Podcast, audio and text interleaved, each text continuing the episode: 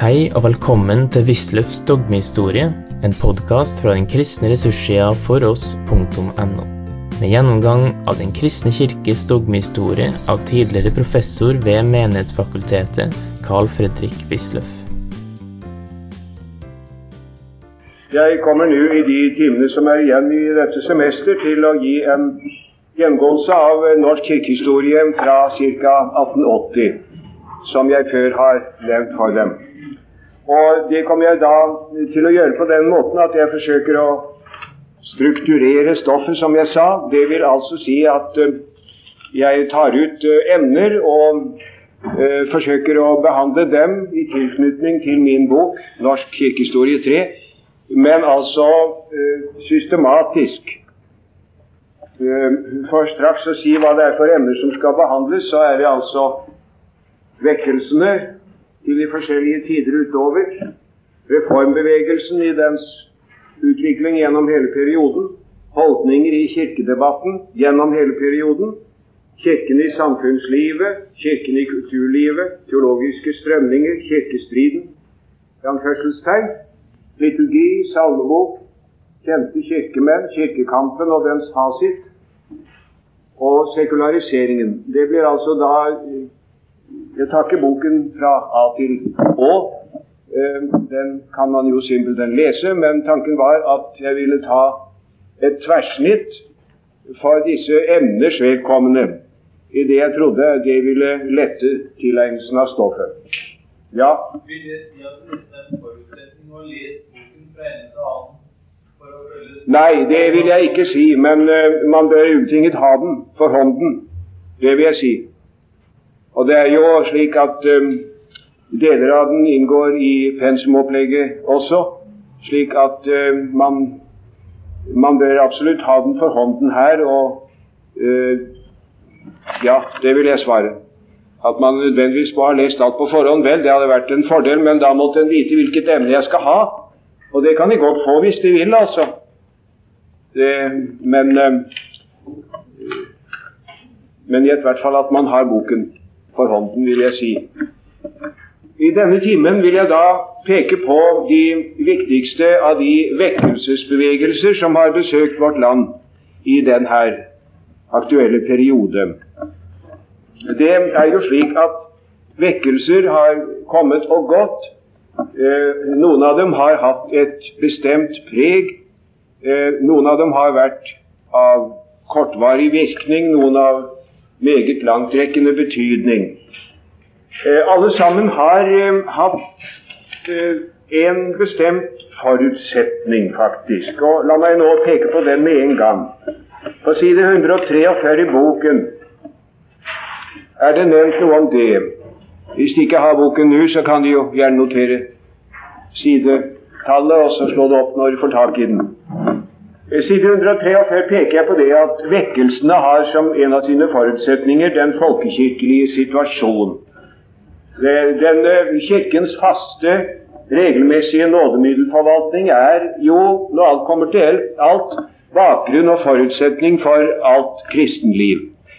Disse vekkelsene kunne i overhodet ikke tenkes uten vi hadde hatt denne folkekirkelige situasjonen med prestenes virksomhet, med skolens kristendomsundervisning, med folkelivet sterkere eller svakere preget av en lovgivning hvis mål i et hvert fall det har vært i noen grad å gi uttrykk for kristne grunnsetninger. Man har med andre ord hatt en grobunn for vekkelsene. Vekkelser av denne art hadde neppe vært tenkelige i et miljø som er 100% hedensk. Det er ganske klart. Som en interessant parallell kan man nevne Swatanana-vekkelsen og andre bevegelser på Madagaskar. De er ikke oppstått i ø, kristningstiden, men kommer ø, noen generasjoner etter at ø, Kirken har begynt å slå rot. Der er et forhold som man må være ganske oppmerksom på. og i i Europa er Vest-Europa er 1800-tallet i høy grad preget av det. Folkevekkelsene, sier jeg, er derfor ikke noe som er kommet spontant. De har ikke som bakgrunn uh, det skjære, blanke hedenskap, selv om vekkelsens aller mest ivrige talsmenn samtidig talte og skrev som man skulle tro de mente det. De besindige av dem har jo aldri ment det. Så er allikevel forholdet et helt annet, og det må man alltid ha for øye. Jeg har nevnt en del om dette forholdet der. I vårt, uh, i vårt tidsrom her uh, kommer da først vekkelsen i 70- og 80-årene i betraktning. Man har jo gjerne sagt at vekkelsen i 1850-årene ved Gisle Jonsson og hans disipler er den sterkeste vekkelse som har vært i Norge i nyere tid. Ikke alle er overbevist om det. Handeland har gitt uttrykk for en annen vurdering, og jeg er nærmest tilbøyelig til å gi ham rett.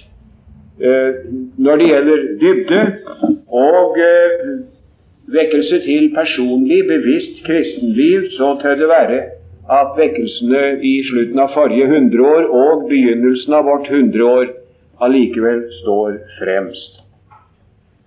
Her er også en uh, bestemt bakgrunn i form av den nye uh, befolkningssituasjonen og den nye økonomiske situasjonen i folket vårt. Jeg har nevnt litt om det på side 41 og inne på det også noen andre steder.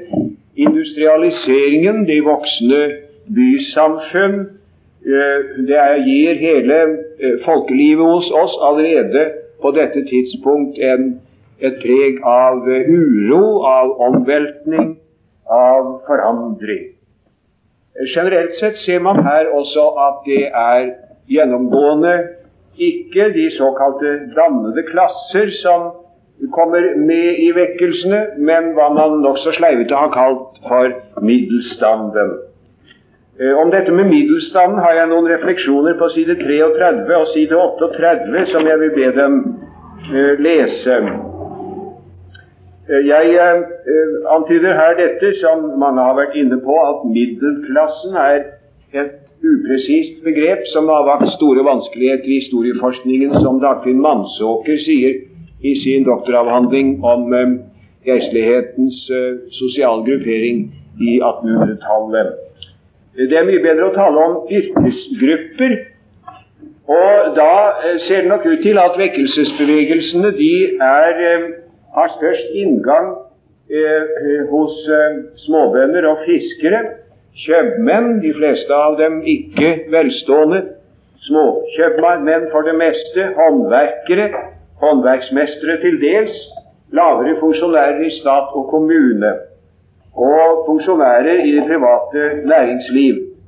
Mens derimot embetsmenn og uh, den akademiske stam, den akademiske intelligens, og uh, den fåtallige gruppa forfattere og kunstnere, uh, rike bønder og store forretningsdrivende, er lite berørt av vekkelsen. Den akademiske stand er jo forresten da som jeg da tenker på, er jo eksklusive Eh, presteskapet, som i svært mange tilfeller er med i vekkelse. Jeg tenker på, på den akademiske stand utenom, utenom presteskapet. Her var det like inngang for vekkelsene, eh, og eh, det kan jo også ha sammenheng med den ting at jeg vet at det mye nevnes at den stand selvfølgelig var langt fåtalligere enn tilfellet er nå det gjelder å få tak i da hvilke åndelige impulser det er som gjør seg gjeldende i vekkelsen i 70-80-årene. Og der må man nevne eh, et par ting særlig, først og fremst rosenianismen. Det er Karl Olof Rosenius, død 1868, den svenske vekkelsespredikanten, eh, som eh, er opphavsmann om Han var ikke direkte stifter, men opphavsmann til Evangeliska Fosterlandsstiftelsen. Holmquist har sagt at siden Luther har ingen mann hatt større åndelig innflytelse i Sverige enn Karl Olof Rosenius. Eh, sånne uttalelser er det vanskelig å vurdere, men eh, det er i hvert fall sikkert nok at hans betydning har vært meget, meget stor. Eh, Rosenius samarbeidet en tid med den metodistiske predikanten Scott i det den kirken som het Den engelske kirke, og som senere ble kalt Betlehemskirken. Den fins ikke lenger nå. Byreguleringen har tatt den for en del år siden. Eh, og det er, det er så at i Det har samtidig vært sagt at Rosenius der mottok en varig innflytelse av metodismen. Denne sats er undersøkt av Sven Lodin i hans doktoravhandling av 1931, er det vel, Karl Olof Rosenius i unge år, hvor han overbevisende på eh, at eh, det neppe kan være tilfellet. Og den som kjenner grunnsynet, det åndelige grunnsyn i henholdsvis metodismen og rosenianismen, kan jo umulig opprettholde denne påstand. Eh, metodismens patos er jo historisk sett eh, helliggjørelsesopplevelsen. Wesley er en av kildene til den moderne helliggjørelsesretning, eh, som til dels har gått til en ytterlighet å tale om, om syndfrihet. Det gjorde ikke Wesley, men han talte om en fullkommenhet som han kunne nå. Eh, en viss trinnopphøyelse. Det går stadig igjen, i, også i strømninger i våre dager. Så man når en, en, en fullstendig helliggjørelse av sinn og tanke. Det er så stikk imot Rosenius som det overhodet er mulig. En av hans store tanker er at kjødet er og forblir kjødet. Det, det blir ikke noen forandring. Det er eh, i, i, I kjødet blir det ingen forandring. Mennesket helliggjøres ganske visst ettersom Ånden får gradvis eh, makt, men kjødet er og forblir kjødet, som i det lutherske grunnsyn som Rosenius hadde funnet i den store Galaterbrevskommentaren som har spilt så stor rolle i Sverige. Rosenius' ord er den frie, frie, nåde. Kom som du er. Kristus har en gang for alle, eh, da han døde for oss på korset, sonet for alle våre synder og betalt all vår syndegjeld. Derfor innbys vi til å komme. Synderen innbys kom som du er. Langvarige forberedelser er bortkastet. Det er for sent. Du kommer 1800 år for sent, sa predikantene, for Jesus har gjort alt sammen. Derfor kom som du er. Dette skurret nok atskillig i ørene på den eldre generasjon, som for en stor del var haugiansk påvirket, eh, gammelpietistisk påvirket, og hvor altså Boten med dens forskjellige grader, anger, ruelse, bot, penitense, var et viktig punkt. Eh, Hope har i et foredrag om svingninger i forkynnelsen påpekt denne forskjellen ganske slående. Eh, de vil kjenne det hvis noen har lest den til foredraget. Hope hadde sett det selv, sa han, hvordan de gamle vianerne sa om de så i forsamlingen en som var påvirket. Da dyttet de til hverandre og sa se, han han er tatt av ordet nå, ikke snakk til enda han gå. Mens derimot de nyere de sa det at eh, se, han er påvirket av Guds ånd, fort deg ned og, og ta tak i han så fort du kan.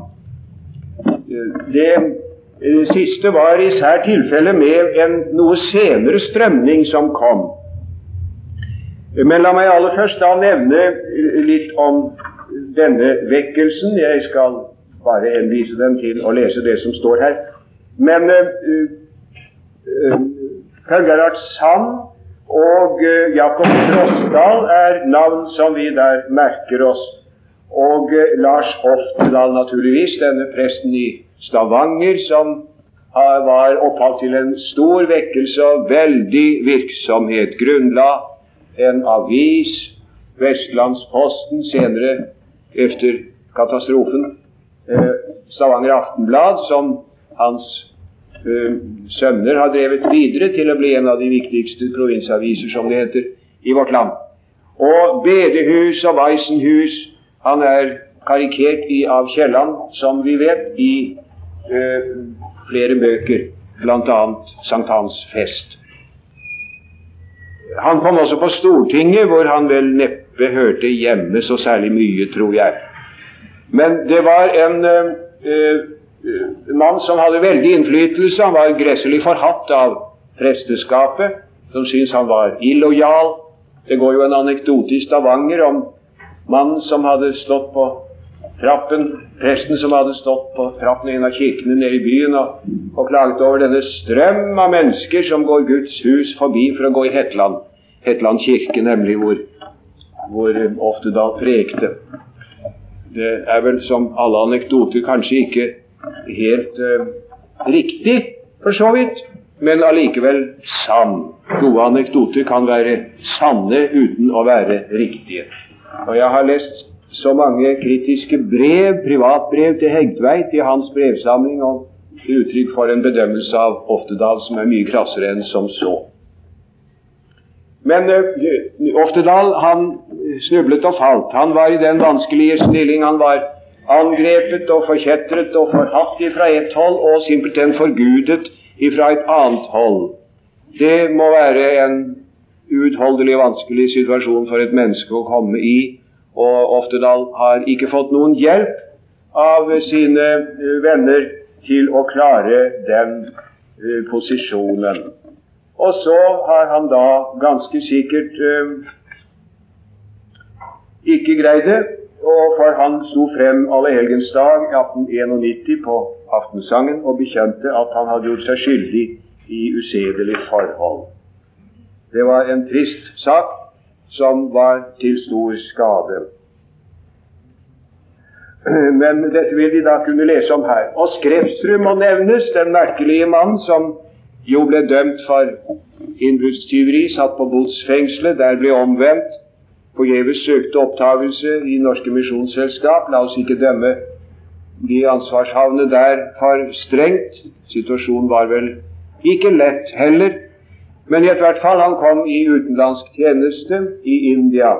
Var i nesten ti år faktisk baptistmisjonær. Det har han senere prøvd å dekke over mest mulig med utsagn som kanskje hvor sannheten vel kanskje er strukket i hvert fall så langt som den, som den kan strekkes. Noen mener at han gikk endog utover dens ramme. Og jeg har satt aktstykkene for meg, og må nok ærlig talt si at det er litt vanskelig å forene de forskjellige opplysninger han har gitt om, om hvor lenge han var baptist, predikant. Han var det i hvert fall misjonær. Han var det i hvert fall i atskillige år, antagelig nesten ti år men kom så hjem til Norge og hadde da ikke en sendemenighet her i Norge som hadde eh, til bakgrunn, men han hadde et ry som den merkelige misjonær i India. Han ble mottatt med stor begeistring på de forskjelligste hold. Det er så merkelig det. Han ble mottatt av, eh, av radikale pietister og frikirkelige, og av uh, grundtvigianere Eh, og av en del eh, som eh, nærmest sto på den fritenkersiden, som, som f.eks. Bjørnson. Det foreligger kvittering på nesten 100 kroner som var kommet inn ved en foredragsaften som Bjørnson har holdt på Lillehammer til inntekt for Santalmisjonen. Men det var jo ikke alle av misjonsvennene som satte så veldig stor pris på det, da. Men det er noe forhold i ethvert fall. Eh, fra geistligheten og eh, eh, misjonsvennene der møtte han lenge motstand, men kloke folk innså at det var bedre å ta det hele positivt, sånn at man tok skritt til å få ham ordinert. Han ble ordinert av eh, eh, Oslo biskop under sitt annet besøk i Norge. Dessuten er det i denne tiden et betraktelig frikirkelig innslag. Det skal vi merke oss. Her kommer eh, Fransson. Fransson, Fredrik Fransson, den merkelige mann som reiste verden rundt med en liten eh, håndveske med en bibel og en tannbørste i, som det har vært sagt. Han hadde ikke for mye av denne verdens gods og gull og brydde seg veldig lite om den sak. Mange anekdoter karakteriserende trekk om det. Man uh, fikk ham aldri til å kjøpe klær, så det måtte man sørge for mens han sov. Og legge frem endog en ny dress til ham, som han da tok på seg, og med stor forundring konstaterte at uh, Herren hadde skaffet ham nye klær. En original mann, en mann som brente for Kristi sak, og som har forkynt evangeliet utover mange, mange steder. Den store eh, den store amerikanske og internasjonale organisasjonen som heter TEAM, The Evangelical uh, um, Alliance and, and, Missionary Alliance heter den. Evangelical and Missionary Alliance, som har over 800 misjonærer, er blitt opprinnelig til på Franssons initiativ. Han kom her i 1883 og innførte da noe som var ganske nytt, nemlig ettermøte. Det synes jeg være blitt borte igjen, praktisk talt. Jeg vet ikke når det forsvant. Det forsvant vel i all stillhet. Det kan vel saktens komme opp igjen nå hva det angår. Men det gikk da for seg på den måten at man at man eh, etter at møtet var slutt, ber folk bli igjen, de som vil ha en samtale. Og så eh, tar man kanskje en bønnestund, forsamlingen, det er få som går. Men man tar en bønnestund, bøyer kne i benken, og predikanten og andre går der rundt og snakker til dem som eh, ved å sitte har gitt til kjenne at de, vel, de har nå i hvert fall ikke bøyd kne. Dette gikk tumultuarisk for seg mange ganger på Franssons møter og var noe ganske nytt. og En mann som Karl Olof Rosenius var ingen tilhenger av det der. Han hadde hørt om det, omtaler det ganske kritisk. Og en mann som Ludvig Hope kunne ikke fordra det, hvilket han har fortalt om temmelig mange ganger, og hvorledes han simpelthen ikke ville det. Eh, det ble allikevel tatt i bruk, om enn i moderert form, i mange kretser, vel de fleste kretser, innen eh, både kirkelig og eh, virksomhet og organisasjonsvirksomhet. Og brukt med måtehold, så er det da vel vanskelig tvil om at det har vært til mye velsignelse. Men her er altså et frikirkelig innslag. Og Frelsesarmeen kom til Norge i 88 eh, og ble mottatt med veldig motstand og mye kritikk. Eh, andre eh, som kom, eh, var jo Plymouth-brødre, Kristi menigheter og Plymouth-brødre og Misjonsforbundet. Eh, det er alt sammen frikirkelige bevegelser. Og som en indirekte frukt av disse frikirkelige bevegelser ble den konfesjonelle bevissthet, som hadde vært meget sterk i kristenfolket hos oss, eh, i mange kretser eh, betydelig svekket i denne tiden. Det svinget til dels om, slik at det ble moderne i somme kretser å bare dra på smilen og blåse av eh, den lutherske barnelærdom. Det var ikke noe Det var ikke så få som mente det. I besindige kretser mente man det jo ikke, men det var ikke alle som var like besindige. Det var også en frikirkelig retning som eh, ikke forlot Kirken, men på en måte etablerte seg innen denne, som med frie predikanter. Og der eh, må Johan Storm Munch levne side 58. Han hadde vært sogneprest, men nedla sitt embete og gikk ut av kirken, men meldte seg ganske kort tid igjen etterpå inn i kirken. Eh, han eh, hadde en stor virksomhet først i festningens gymnastikksal nede på Akershus, senere i Kalveigatens misjonshus i mange år. Eh, de som reiste eh, Kalveigatens misjonshus, var imidlertid treidervennene. Otto Treider og Gullberg, Hans Gullberg og Johannes Jørgensen. Det merkelige trekløver. Det var også folk som altså eh, personlig tilhørte den lutherske kirke og bekjente seg til et luthersk trossyn, men hadde en åpen holdning overfor eh, annerledes troende. Originale folk alle sammen. Merkelige eh, folk. Eh, Rosenius var eh, i grunnen på mange måter lærefaderen for dem, og også Fransson. Jeg har skrevet en del om det her og behøver ikke eh, å gjenta det, men, men, man merker seg altså dette frikirkelige innslag i denne store folkevekkelsen. Den førte også til eh, forskjellige ting som var nytt, bl.a. fri nattvær. Den første opprinnelse til fri nattvær er ikke gransket. Det må noen vel før eller senere ta seg av. Jeg kan ikke foreløpig si at jeg har funnet ut av de aller første spor til dem. Jeg ser Klaveness omtaler den i Svensk teologisk tidsskrift i 1877.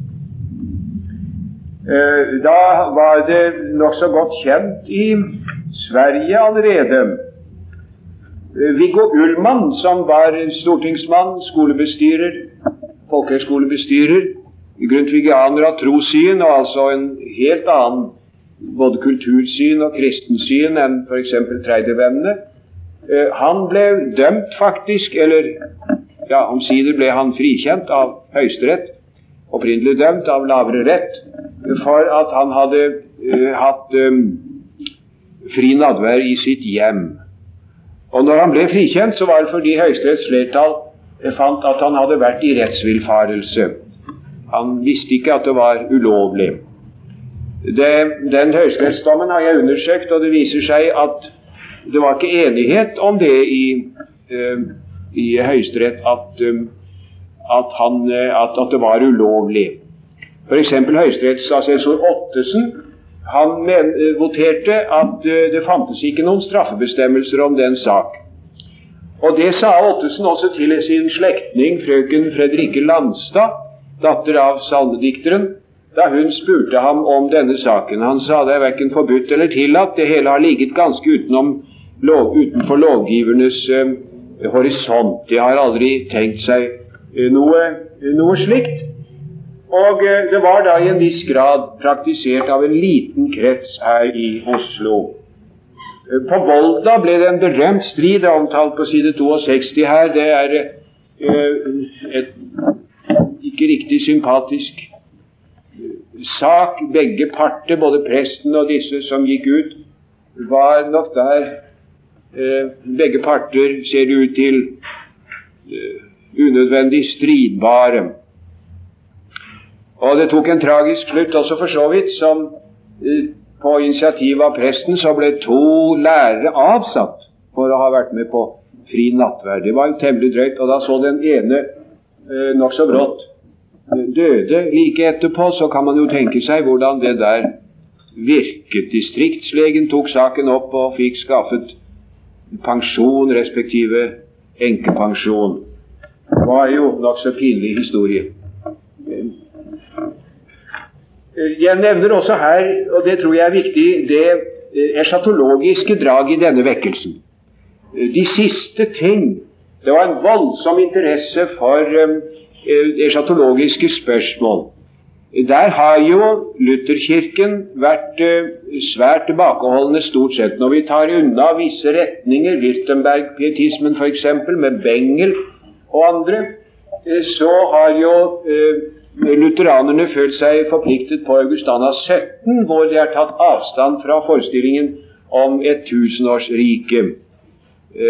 Den karakteriseres der som en jødisk forestilling Eh, hvorvidt da Augustana eh, sikter på en hvilken som helst lære om tusenårsriket, eller om det bare er den militante, opprørske form for kileasme som var utbredt på den tiden, og som især manifesterte seg i det fryktelige historien i Münster, det uh, reflekterte man ikke over.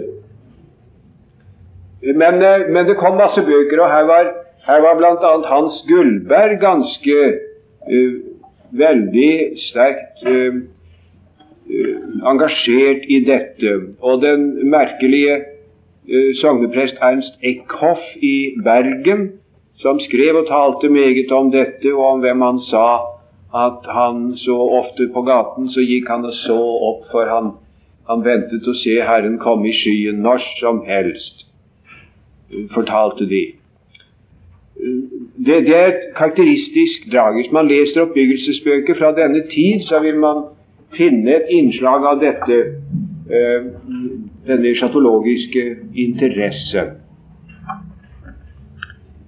Eh, vekkelsen førte også til nye initiativ. Det er Norsk Søndagsskoleforbund, det er Den indre sjømannsmisjon, det er øh, Norsk fin Norges Finnemisjon, Eh, som må i høy grad nevnes der. Og det er den kristelige studenterbevegelse med møtene, de studentermøtene som jeg har nevnt her. Det er alt sammen meget viktige saker. En lang rekke sånne initiativ som blir til som følge av vekkelsen på denne tiden. Den neste vekkelsen som vi der skal merke oss, det er eh, den som eh, kommer litt senere. Det ser ut som at 90-årene ikke var noen vekkelsestid, men eh, straks over på det nye århundret så er det vekkelse både her og der. Det kan man ganske tydelig se. De som, den som vil sette seg mer inn i dette, og det bør man nesten gjøre, syns jeg, henvises til Handelands vårløysing, som er eh, interessant og givende lesning om disse ting. Eh, det mest kjente navn i forbindelse med vekkelsen i 1904 og 5 er jo Albert Lunde. Um, han um, var blitt omvendt, var fra Lista. Han beholdt sin dialekt bestandig.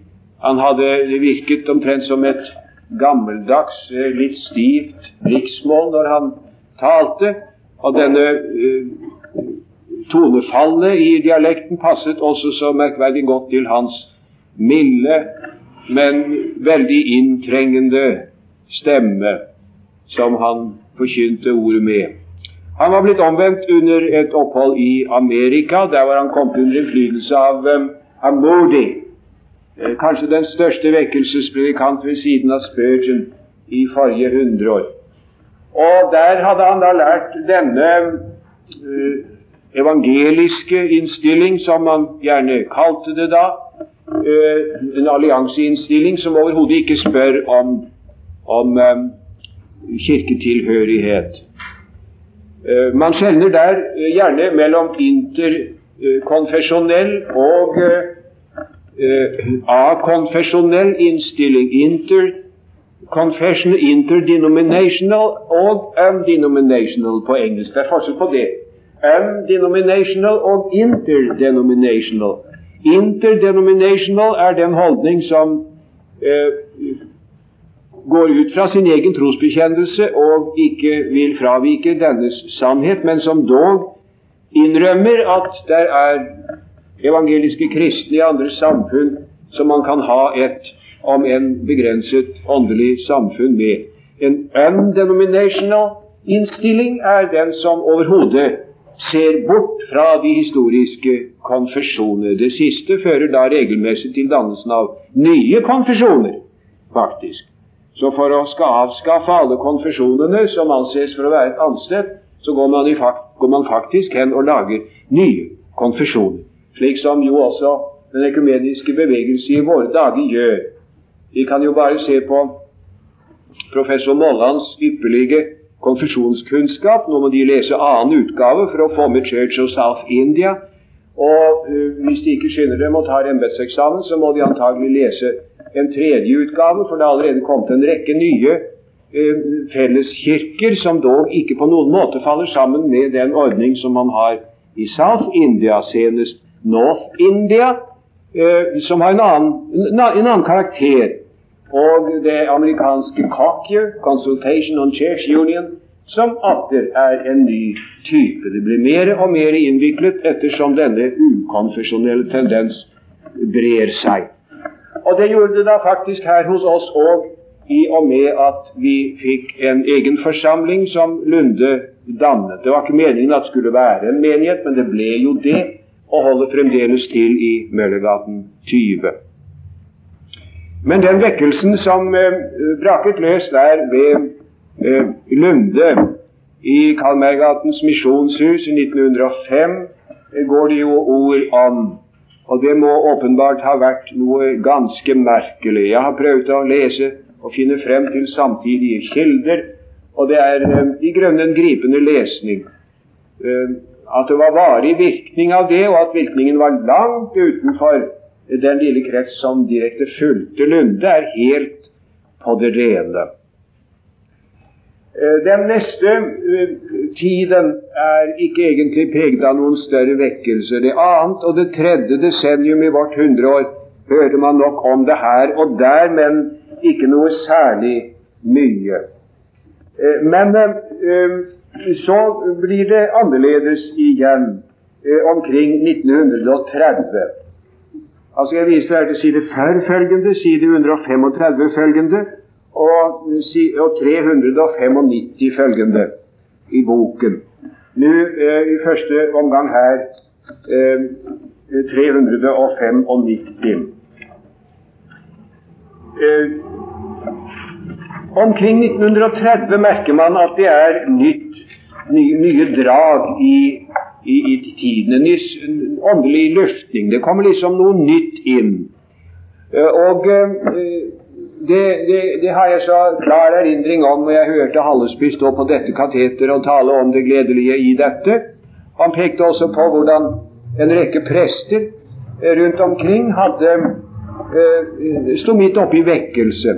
Jeg har avisutklipp liggende til dels fra den tid som forteller om det i Telemark f.eks., i Seljord kirke, hvor det var vekkelsesmøter og bønnemøte og vitnemøte. Man syntes ennå på det tidspunktet var nesten rart å ha det i kirken. Senere har det jo vært svært så mange ganger eh, nettopp det. Eh, noen navn som kan nevnes fra den tiden, bør man vel, bør man vel merke seg. Det er jo mange som kunne ha vært nevnt. Jeg har her nevnt eh, Olav Wallen Senstad, som var prest i Gjelsa Ryfylke og ble prest i Stavanger etterpå. Senere eh, ja, var i Stavanger da til han pga. svekket helbred fratrådte. Eh, jeg har også nevnt eh, Tormod Vågen som en av dem der sto i den frivillige virksomhet. Han ble i 1936 generalsekretær i, i um, Norsk Luthersk Misjonssamband, som det heter nå, og Kinamisjonsforbundet, som det het da. Etterfulgt i så måte um, Hope, Ludvig Hope. Og Ludvig Hope er jo også i høy grad et navn man skal merke seg. Han uh, var uh, så tidlig som i begynnelsen av dette hundreår uh, en mann som kunne samle Kalmøygatens misjonshus fullt endog før Lunde kom. At han brukte nynorsk, var i så måte ingen hindring. Merkelig nok, kan man si, i Kristiania på dette tidspunktet. Men eh, eh, senere kan man her nevne eh, Hans Edvard Wisløff og, og Fredrik Wisløff, som begge to har samlet veldige skarer på 30-årene, og eh, som også har skrevet mange bøker. Fredrik Wisløff han kan man da trygt si at han er den mest leste oppbyggelsesforfatter i Norden i sin, i sin tid. Det er ikke farlig å se, si når man peker på opplagstallene, som er nesten utrolige. I, um, I, tidligere tid er det vel uh, mulig at de overgås. Rosenius' skrifter er nok kommet i større opplag. Det er det utvilsomt. Men i den perioden uh, neppe noe mer enn ham. Ernst Hallen, Gustav Nevik, Johannes Daasvann og flere kan man nevne. Eh, man kan også nevne Frank Mangs, den svensk-finske predikanten som kom eh, i 1932 av Misjonsforbundets initiativ. Står omtalt 399 her. Men alle disse kan man si grunnen står i den tradisjonelle sammenheng med den eldre tids forkyndelse. Mer eller mindre personlig original, men i sin grunnholdning i en sammenheng med den eldre, uh, eldre uh, tradisjon av forkynnelse i vårt land, hvilket de jo også i høy grad vedkjente seg. Men i 1934 kom det en bevegelse som var helt annerledes, og som med alt eftertrykk hevdet seg å være helt annerledes, og det var jo Oxford-bevegelsen. Oxford Group Movement. Opprinnelig ikke best. Det står om her videre side 399 og følgende av forholdsvis utførlig redegjørelse om Oxford-bevegelsen. Den har opprinnelig ikke noe med Oxford å gjøre. Navnet skyldes visstnok en tilfeldighet. Eh, den har nærmere et eh, amerikansk preg, må man si. Eh, I en kort tid var Oxford-bevegelsens navn og tanker på alles leber, hadde man følelsen av. altfor ubluferdig å snakke om egne opplevelser osv. Det er bevist i og med resepsjonen av Oxford-bevegelsen at dette var en ren unnskyldning og simpelthen ikke sant. Mindre, mindre utfordrende enn Oxford-bevegelsen kunne ingen være. You cannot keep sitting on the fence, het det. Du kan ikke sitte på gjerdet. Enten er du med, eller også er du mot.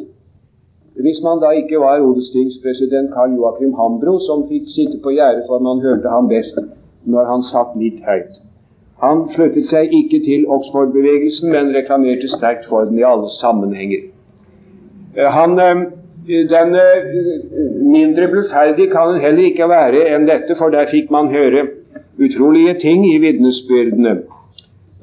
Personlige ting ble bekjent som man har regnet det for å være mindre anstendig å snakke om offentlig. Til dels. Det må man nok si jeg selv hørt det.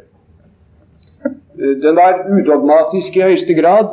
Det var overhodet ikke noen egentlig lære og meget svak relasjon til, eh, til Kirkens dogma. Det var overhodet ikke forkynnelse i vanlig forstand, men alt kom i korte vitnesbyrd. Og det var et visst opplegg. Man talte om de fire absolutter. Absolutt sannhet, absolutt kjærlighet, renhet, uselviskhet. Man prøver seg på det og ser at man kommer til kort, og så ber man Gud om hjelp og overgir seg, surrender, til Gud, og siden så lever man, lever man på ledelse, guidance, som man får fra dag til dag. Og den skal man ha helst av morgenen, og så skriver man opp den ledelse man får. For som det stadig ble sagt, det svakeste blekk er sterkere enn den sterkeste hukommelse.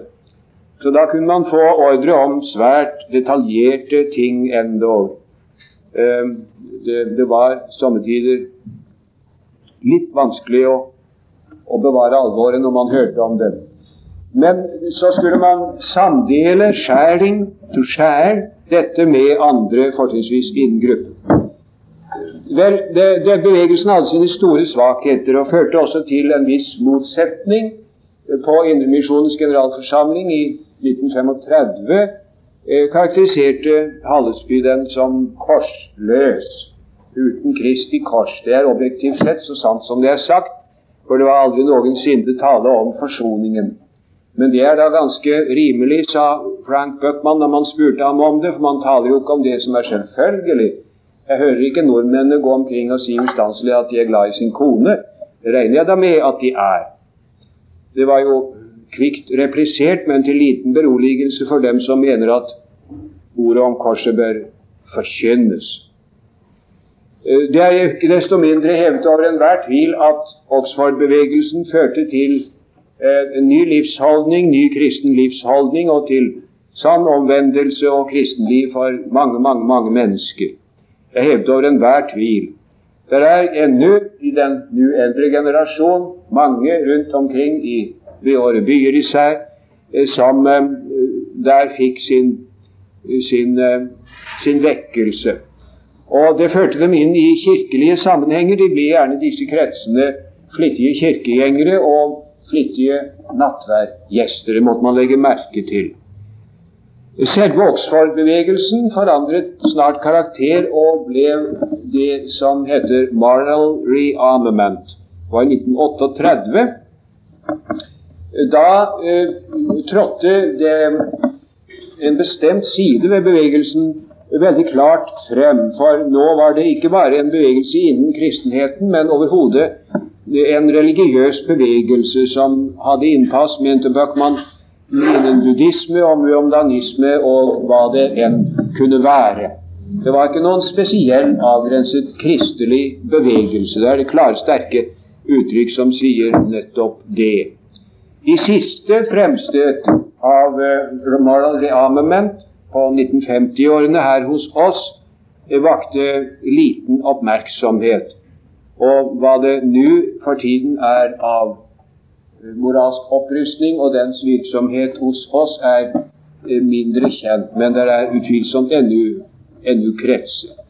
Den blivende betydning er eh, å finne i de enkeltindivider som her uten all tvil ble ført til et kristent trosforhold. Kjente menn kunne der nevnes, Og blant dem i første rekke Ronald Fangen, forfatteren Ronald Fangen, eh, som eh, jo for øvrig lenge hadde vært på vei likesom til kristendommen, hvis alvorlige kamp med trosproblemer og erkjennelsesproblemer hadde ført ham nærmere og nærmere en kristen trosposisjon, slik at Einar Skavlan i Dagbladet med rette kunne si, da hans omvendelse ble kjent, eh, at eh, det var helt konsekvent ut fra hans forutsetninger.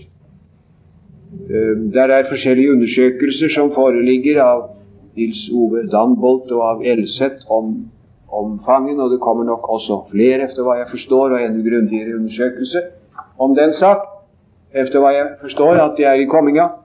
Og eh, det vil utvilsomt der bekreftes at for Ronald Fangen hadde Oxford-bevegelsen stor og avgjørende betydning. Det samme kunne sies om en annen mann som lenge var meget godt kjent, nemlig Morgenblad-journalisten og forfatteren Fredrik Ramm, som eh, døde i tysk Nei, han, han var frigitt, men døde på vei hjem fra tysk fengsel under krigen. Ronald Fangen var en av de aller første i dette land som forsto virkelig hva for en dødelig fare nasjonalsosialismen var. Det kommer vi kanskje tilbake da til i annen sammenheng. I morgen vil jeg på lignende måte som dette forsøke å trekke en tråd tvers gjennom materialet med hensyn til reformbevegelsen, som jo er aktuell den ene gang etter den andre. Det på hvilke måter og til hvilke tider vil jeg forsøke å peke på i timen i morgen, og den er også i morgen da kvart over tolv. Du har nå hørt Wisløffs dogmehistorie. Finn flere ressurser og vær gjerne med å støtte oss på foross.no. Følg også gjerne noen av våre andre podkaster, f.eks. For oss-podden.